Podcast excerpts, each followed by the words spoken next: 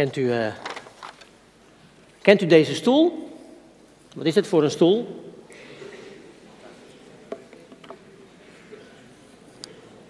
Iets luider.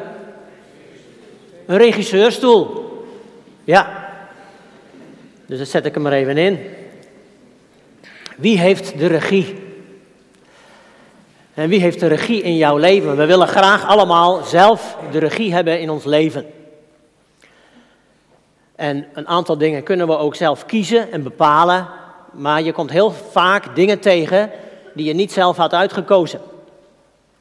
En eh, dan loopt het soms heel anders dan je zelf had gedacht. Wel, ik wil beginnen met een hele belangrijke uitspraak die ik, die ik las van iemand. Er gebeurt niets in jouw leven dat buiten het draaiboek van Gods heilsplan valt. Nog eens een keer, er gebeurt niets in jouw leven dat buiten het draaiboek van Gods heilsplan valt. God is de regisseur van onze geschiedenis.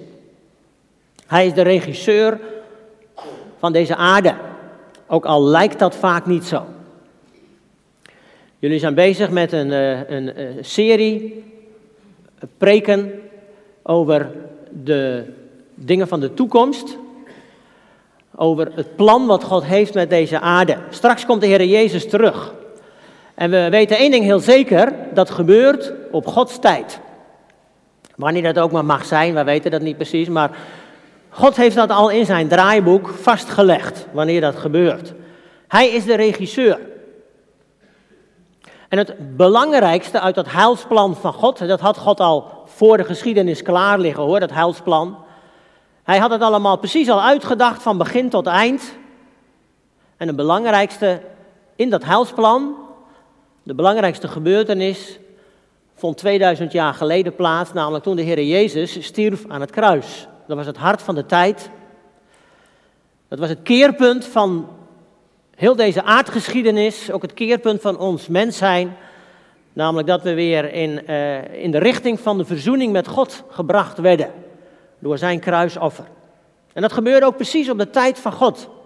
Niet op de tijd van mensen, wat zij hadden bedacht of gedacht. Wat zij wilden, maar op de tijd van God. En ik wil daarover met jullie uh, stilstaan bij de vierde aankondiging van lijden van de Heer Jezus. En wel in uh, Matthäus 26, de eerste vijf versen. Ik lees het u uit de nieuwe Bijbelvertaling. En ik heb er zelf boven gezet het draaiboek van Gods heilsplan.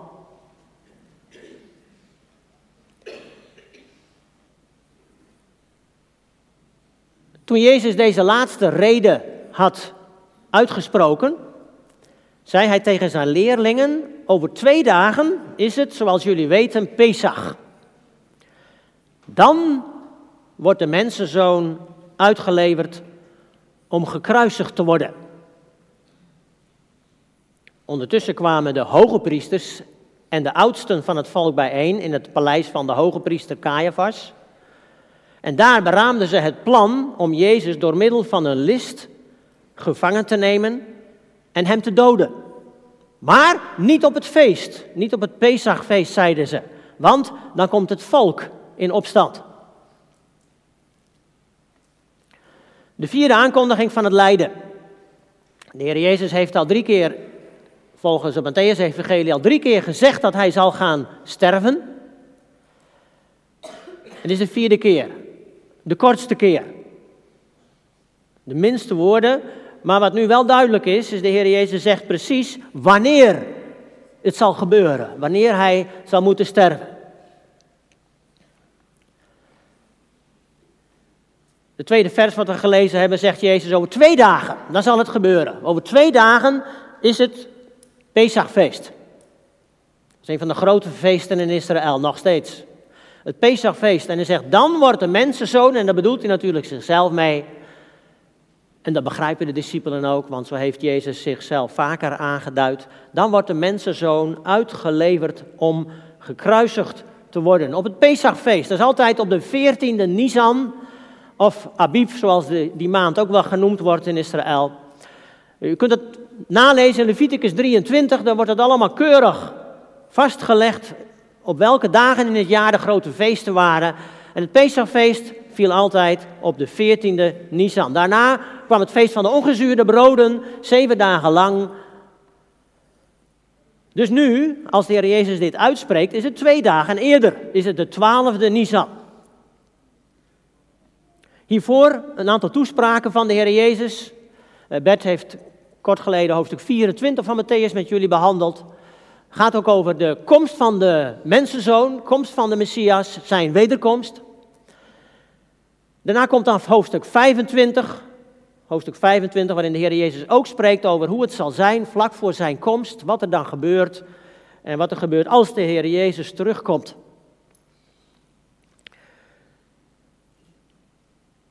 Hierna, in het vervolg van hoofdstuk 26, dan gaat het op weg naar de kruisdood van de Heer Jezus, zijn gevangenneming.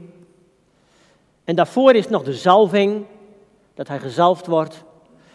En op die manier dat zijn begrafenis eigenlijk voorbereid wordt. Gethsemane, het gebed van de Heer Jezus. Dus een cruciaal moment in het draaiboek van Gods geschiedenis. In het draaiboek van het leven van de Heer Jezus. Hiervoor is hij naar de aarde gekomen, om zijn leven te geven voor onze zonden. En Heer Jezus weet het is bijna zover. Nog twee dagen en dan is het zover. Over twee dagen. En uh, die dag, die begint, en dat is in Israël nog zo, die begint bij zonsondergang. Dan begint de volgende dag. Dus die dag van Pesach, dat de Heer Jezus moest sterven aan het kruis, die dag begon al toen de zon ondergegaan was en toen de Heer Jezus met zijn discipelen de Pesachmaaltijd ging vieren. Dat was al de dag dat hij ook ging sterven.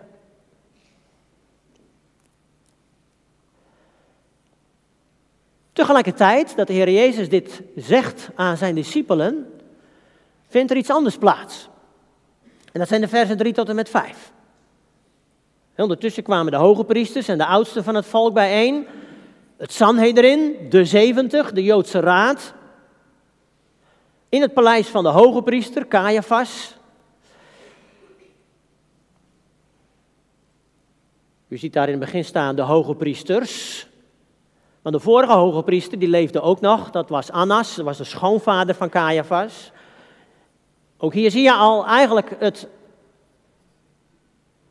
ja, ik zou bijna zeggen het corrupte van de Romeinse leiding, want die stelden hoge priesters aan naar hun eigen believen.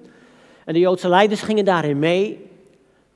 Want volgens de wet, de Joodse wet, kon alleen maar de zoon, de eerstgeboren zoon van de hoge priester, hoge priester worden als de vorige hoge priester gestorven was. Hier worden hoge priesters aangesteld naar het believen van de Romeinen, waarin de Joodse raad ook meeging. Dus Annas, en nu was Caiaphas de hoge priester. Annas was hoge priester geweest van het jaar 6 tot 15 na Christus. Caiaphas weer even later, van 18 tot 36. Daartussendoor is nog weer iemand anders hoge priester geweest. Ze komen als oudsten bij elkaar en ze zeggen van, we moeten hier iets aan doen. Wat de Heer Jezus, wat die Jezus van Nazareth, wat hij allemaal doet, daar kunnen we niet meer instemmen en we moeten hem dus uit de weg ruimen. In de loop van, de, van het laatste paar jaar werd die roep steeds sterker van de Joodse leiders. En we zien hier dat ze zeggen van vers 4, daar beraamden ze het plan om Jezus door middel van een list gevangen te nemen en hem te doden. Maar dan komt het verschil. De Heer Jezus heeft gezegd, u ziet dat vers dan al boven staan, vers 2, op het Pesachfeest zal het gebeuren. En de Joodse leiders zeggen niet op het feest. En dan komt er een oproer van. Dan komt het volk in opstand. Dat is niet wijs, dat moeten we niet gaan doen. Ziet u, de mensen die beramen een plan, maar dat is anders dan het plan van God. God zegt, ik heb ook een plan. En dat plan is niet zomaar opgekomen, dat plan was er altijd al. De Jezus, Jezus bereidt zijn discipelen precies voor. Hij noemt exact de dag dat hij zal sterven, over twee dagen. Op het Pesachfeest. Waarom op het Pesachfeest? Je zou kunnen zeggen dat Pesachfeest, dat al eeuwenlang gevierd werd door de Joden, dat was een schaduwfeest. Een schaduwfeest wat heen wees elk jaar opnieuw naar het paaslam dat geslacht zal worden. Elk gezin slachtte op het Pesachfeest een lammetje. En dat werd die eeuwen voordat Jezus gekruisigd werd, werd dat altijd op het tempelplein gedaan. Er werden al die lammetjes gebracht en er werden al die lammetjes geslacht. En er was ook één lam dat speciaal werd uitgekozen uit de kudde, dat geslacht werd voor de zonde van het volk.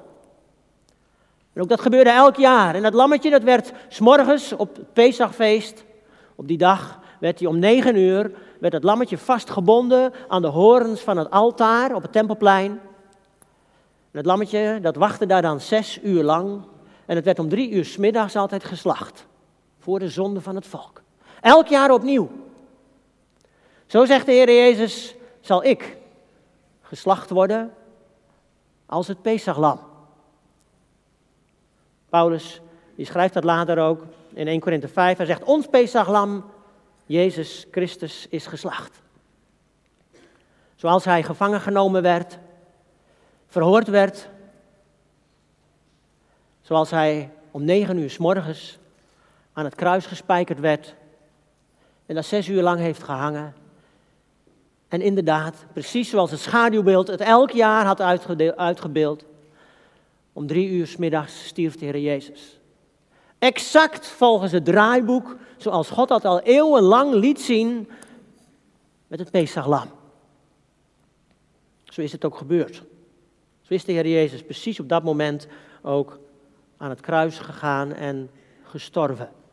Ondanks de listen en de sluwheid waar we van lazen van de Joodse leiders, die het juist niet wilden op het Pesachfeest. Zo had God het besloten. En zo heeft God het ook uitgevoerd. Ons paaslam, ons Pesachlam, is geslacht. En als je zijn offer in jouw hart hebt aangenomen, dan betekent het dat je bevrijd wordt van de zonde die je gedaan hebt, zelfs de zonde die je nog gaat doen. Zoals dat Pesachlam, wat elk jaar geslacht werd op het Joodse tempelplein, de zonde van het volk mocht bevrijden. Draaiboek van God. Niet alleen van de geschiedenis. Wat is dat geruststellend trouwens? Dat, dat we zeker mogen weten dat God deze geschiedenis in zijn hand houdt, wat er ook gebeurt. Maar het geldt ook heel persoonlijk. Dat God het draaiboek van jouw leven kent. En niet alleen kent, maar hij wil dat ook sturen. En hij wil heel graag dat, je, dat jij en ik, dat we elke dag de leiding van ons leven in zijn handen leggen. En dat vinden we allemaal moeilijk. Dat we niet ons eigen draaiboek gaan bedenken of gaan uitvoeren, maar dat we dat in handen van God geven. Een bekende Engelse theoloog, Eugene Peterson, die zei: Probeer jij Jezus in te plannen in jouw agenda? Of plan je je bezigheden rondom Jezus? God past niet in onze plannen, wij moeten ons aanpassen aan zijn plannen. Dat is een hele kunst. En als je erover nadenkt, en ik zou jullie vragen van, wil je dat? Nou, dan gaan we er eerst over nadenken. Willen we dat eigenlijk wel? Wat zal er dan anders gebeuren dan wat wij graag zouden willen? En waarschijnlijk zouden de meesten van ons dan op een gegeven moment zeggen van ja, wat is er ook beter dan dat God mijn leven leidt? Er is dan niks beter. En dan zou je misschien tot een punt komen dat je zegt, ik wil mijn leven op die manier zo overgeven aan Hem dat God mijn leven mag sturen, mag bepalen. Maar dan komt het pas. Dan begint het. Dan wordt het moeilijk, want hoe loopt dat dan? Hoe zie ik dat dan, wat God mij leidt?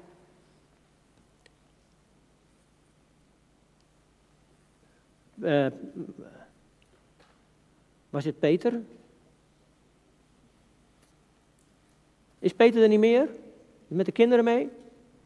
Nee, die zat daar. Die, die komt hier met zijn hand in het gips. En die had dat echt niet gepland. Dat stond niet in hun draaiboek. En je moet het overgeven, je moet het loslaten. Er gebeuren dingen in je leven die je niet had gepland. Waarvan je denkt, Heer, waarom moet dat nou gebeuren? Ik snap hier niks van. Dit kan toch niet van u zijn? Nee, wij begrijpen het vaak niet. Maar juist dan is het belangrijk om te zeggen: Heer, ik wil de leiding over mijn leven wil ik in uw handen leggen. En ik wil van u accepteren wat u toestaat in mijn leven. Dan zeg ik niet dat God altijd de oorzaak is, ook van moeilijke dingen die gebeuren. Maar wel dat God in zijn draaiboek alles al had staan wat er zal gebeuren in mijn leven. Hij overziet mijn leven, hij staat daarboven. Omdat God boven de tijd staat, wist hij dat ik geboren zou worden. Hij wist precies het moment, hij wist ook al precies het moment wanneer ik zou sterven. Dat stond al in zijn draaiboek. En gelukkig weten wij dat allemaal niet van tevoren. God wel. En hij kan dan ook als de regisseur dat draaiboek sturen. Dat doet de regisseur. Die stuurt en die zegt: Dit gaan we zo doen en dat gaan we zo doen.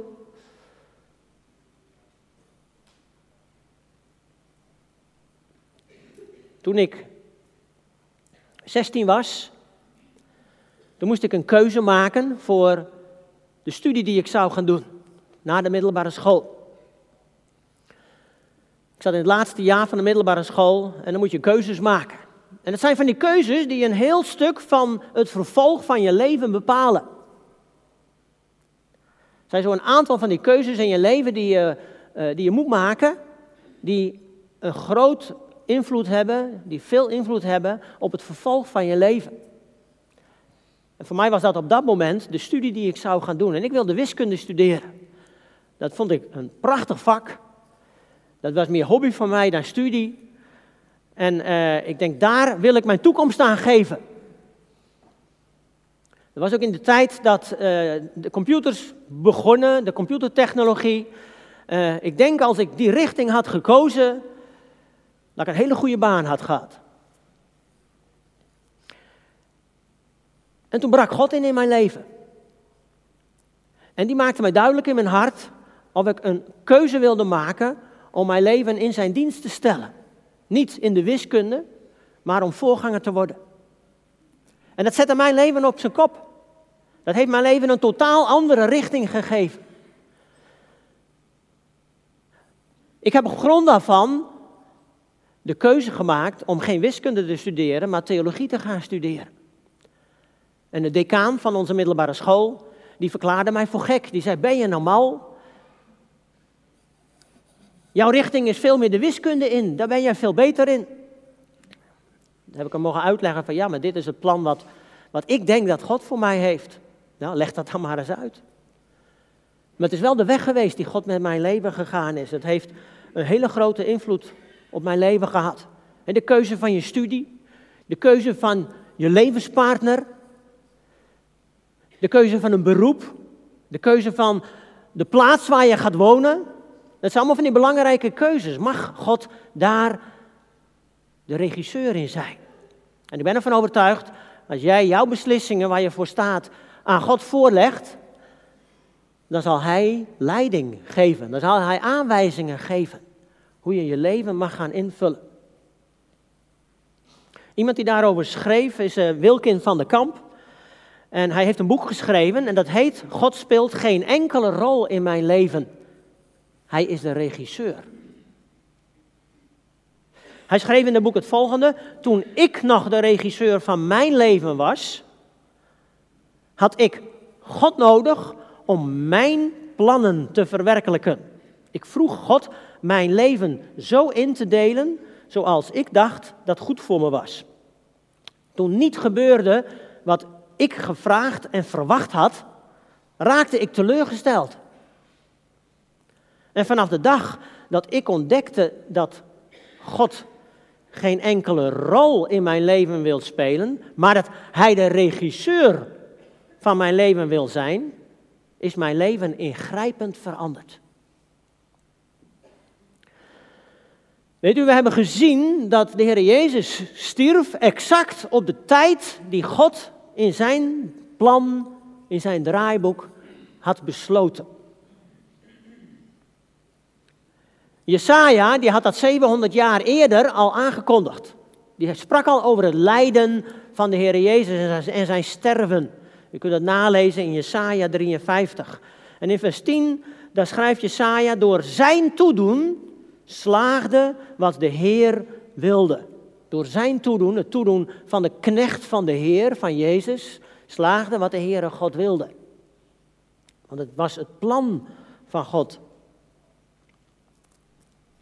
De discipelen, nadat de Heer Jezus naar de hemel is gegaan, als de gemeente van Jeruzalem is geboren, de discipelen die, die zien dat dan ook. En zij uh, komen op een moeilijk moment als er tegenstand komt vanuit, niet alleen vanuit Pilatus en de Romeinen, maar ook vanuit de Joodse leiders. Dan uh, schrijven ze ook, u kunt dat lezen op de muur uit Handelingen hoofdstuk 4. Want inderdaad, in deze stad Jeruzalem hebben allen samen gespannen tegen Jezus, uw heilige dienaar, die door u is gezalfd, het Messias gezalfd. Herodes, Pontius Pilatus, alle volken en ook de stammen van Israël. Door middel van de Joodse leiders. Om datgene te doen, en nu komt het, waarvan u had bepaald en voorbestemd dat het moest gebeuren. Ziet u dat? Het was precies gebeurd zoals God het had bepaald al van tevoren. Zoals hij het had voorbestemd, staat het in deze vertaling zelfs geschreven. Wij mensen kunnen Gods plan niet veranderen. Die leiders waar hiervan gesproken wordt, die niet wilden dat Jezus op het Pesachfeest gedood zou worden. Die leiders die wilden het plan invullen zoals zij het wilden, maar ze konden Gods plan niet veranderen. Ze werden wel ingeschakeld in het plan van God. Want de Heer Jezus is aan het kruis geslagen doordat hij overgeleverd werd door de Joodse leiders aan de Romeinen. En dat zij het volk hadden opgehitst om te roepen, kruisig hem, kruisig hem. God paste dat in, in zijn plan. Maar daarbij hebben de mensen wel een eigen keus. Jij en ik, we hebben een eigen keus om ingeschakeld te worden in de plannen van God. En God schakelt, dat zagen we, zelfs ongelovige mensen in. De hele Bijbel staat er vol van. En die kiezen ervoor om bepaalde dingen te doen, vaak zonder dat ze beseffen dat God daar ook zijn invloed in heeft. Maar als je de Heer Jezus kent, dan is het nog veel belangrijker om je af te vragen: Heer, wat is uw plan? Uw plan met ons als gemeente? Wat is uw plan met ons als gezin? Wat is uw plan met mij als kind van de Vader? Oh, de Bijbel staat er vol van. Denk, denk aan een Abraham. Als Abraham door God uitgekozen wordt om stamvader te zijn van Israël. En dat God zegt, jouw eigen zoon, die zal de zegen dragen. Isaac. Maar dan duurt het dan wel 25 jaar voordat ze een kind krijgen. En wat een plek heeft Abraham in het heilsplan van God, dat het kindje geboren wordt uit Sarah, terwijl ze 90 jaar is. En al helemaal niet meer een kind kan krijgen op die leeftijd. Maar God zegt, het is mijn plan en ik schakel jullie daarvoor in. Wat had Abraham daar een belangrijke rol in, in dat plan van God? Of vele eeuwen later, als de engel verschijnt aan Maria en dat hij tegen Maria mag zeggen, Maria, je bent begenadigd onder de vrouwen, want uit jou zal een kind geboren worden die zoon van God zal heten. Het moet moeilijk geweest zijn voor Jozef en Maria. Dat ze een kindje kregen, dat Maria in verwachting was terwijl ze verloofd waren. Geen kindje van Jozef. En Jozef moet zelf door, door middel van een engel ook horen dat het wel goed is, dat het een kindje van de Heere God is. We zullen er al aangesproken zijn en uitgelachen zijn en met rug aangekeken zijn door de mensen rondom hen in Nazareth. Maar dit was het draaiboek van Gods plan. En Jozef en Maria kregen daar een hele belangrijke rol in te vervullen.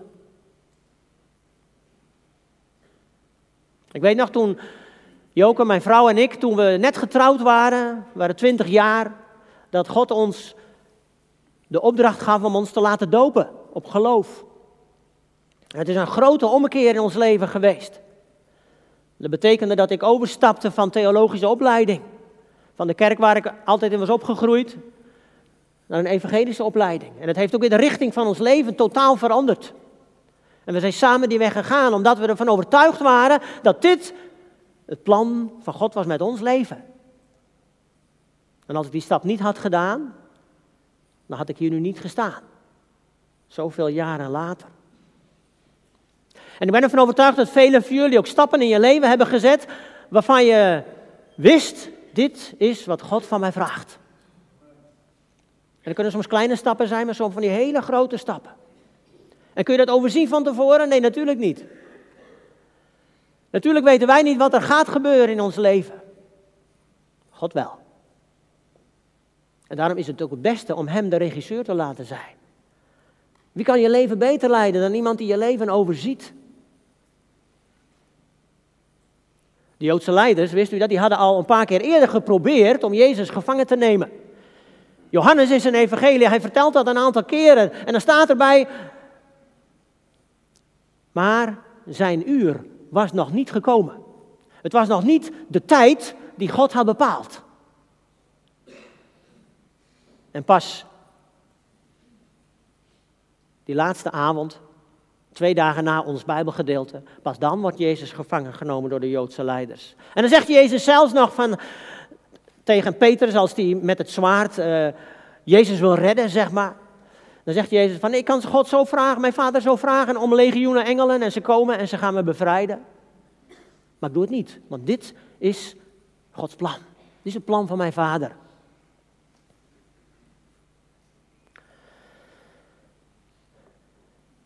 Toen ging het erover wanneer Jezus moest sterven. Op het Pesachfeest. Straks gaat het erover wanneer de Heer Jezus terugkomt. En ook dat is weer een heel belangrijk punt in het heilsplan van God. En dat heilsplan, daar heeft hij verschillende dingen over verteld, met name in Matthäus 24 en 25, maar ook andere gedeelten in de Bijbel. En het heilsplan ontvouwt zich steeds verder. Zo werkt de regisseur in het grote plan met deze aarde, met ons mensen. Weet je, een regisseur, die kennen we natuurlijk van het maken, bijvoorbeeld, van het maken van een film. En die regisseur, dat uh, weten we, die zit op zo'n stoel en die heeft dan zo'n uh, zo'n zonneklep op en dan heeft hij zo'n toeter in zijn hand. Nou, dat was het oude beeld. Hij geeft aanwijzingen hoe de shots moeten plaatsvinden, uh, hoe die film er uiteindelijk uit gaat zien. Want de regisseur, die kent het script van de film. Hij kent het script van begin tot eind. En als u en ik die film later zien, dan moet je natuurlijk niet aan het eind beginnen, dan begin je bij het begin van de film. En dat bouwt zich op, het plot. En dat vind je dan spannend, tenminste, dat hopen we er natuurlijk. Maar die regisseur, die weet het allemaal al lang, die heeft het bedacht. Nou, ik ga een vergelijking trekken. Weet u dat de hele wereldgeschiedenis één grote film is? Eén grote film. En God is de regisseur. Hij zit op zijn stoel en hij heeft de regie vast in handen. Er zitten in die film van deze wereldgeschiedenis zitten heel veel hoofdpersonen. Allemaal mensen die een rol hebben in die film. En u en ik, wij horen er ook bij. Wij hebben ook een rol in de film van de geschiedenis zoals die zich afspeelt. We zijn allemaal hoofdpersonen in die film. En de regisseur weet al precies hoe die film eruit ziet. Van begin tot eind. Wij niet. Wij spelen onze rol daarin. En nu komt het bijzondere. U en ik, we hebben allemaal onze eigen keuzes. We hebben vrije wil gekregen van God om te kiezen in het leven. Om te kiezen elke dag of we God willen gehoorzamen of niet. En dan komt het wonderlijke, wat ik niet snap. Die regisseur, God, die calculeert onze vrije keuzes in, in de film van zijn wereldgeschiedenis.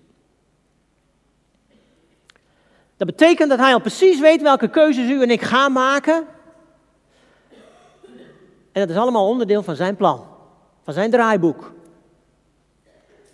En dan is het zo bijzonder, vind ik, om te weten dat ik, maar ook u en jij, dat je in die film je plaats in mag nemen, je rol mag spelen. En daarom zeggen we ook, God speelt geen rol in mijn leven, ik mag een rol spelen in zijn draaiboek. Want hij is de regisseur. En is dat een film van die hele wereldgeschiedenis, van duizenden jaren? Mijn rol is maar een heel klein stukje. Maar hoe serieus wil je je eigen rol daarin nemen? En ga je op zoek naar het script wat de grote regisseur heeft met jouw leven. En pas dan kun je echt tot je doel komen. Tot de bedoeling die God met je leven heeft. Ik eindig met diezelfde spreuk waar ik mee begon. Er gebeurt niets in jouw leven dat buiten het draaiboek van Gods heilsplan valt. Dat zuster Lok vannacht is overleden, stond al in Gods draaiboek. Hij wist precies wanneer haar leven zou eindigen. Hij weet ook precies wanneer jouw en mijn leven zal eindigen hier op aarde. Het staat al in zijn draaiboek. Er gebeurt niets in ons leven. Juist die moeilijke dingen waar wij strijd mee hebben. Dat je ziek bent, dat je maar geen baan kunt krijgen, dat je een ongeluk hebt gehad. Voor ons zijn dat moeilijke dingen. Maar het helpt om te weten dat God het al lang wist. En dat hij het gebruikt in zijn plan.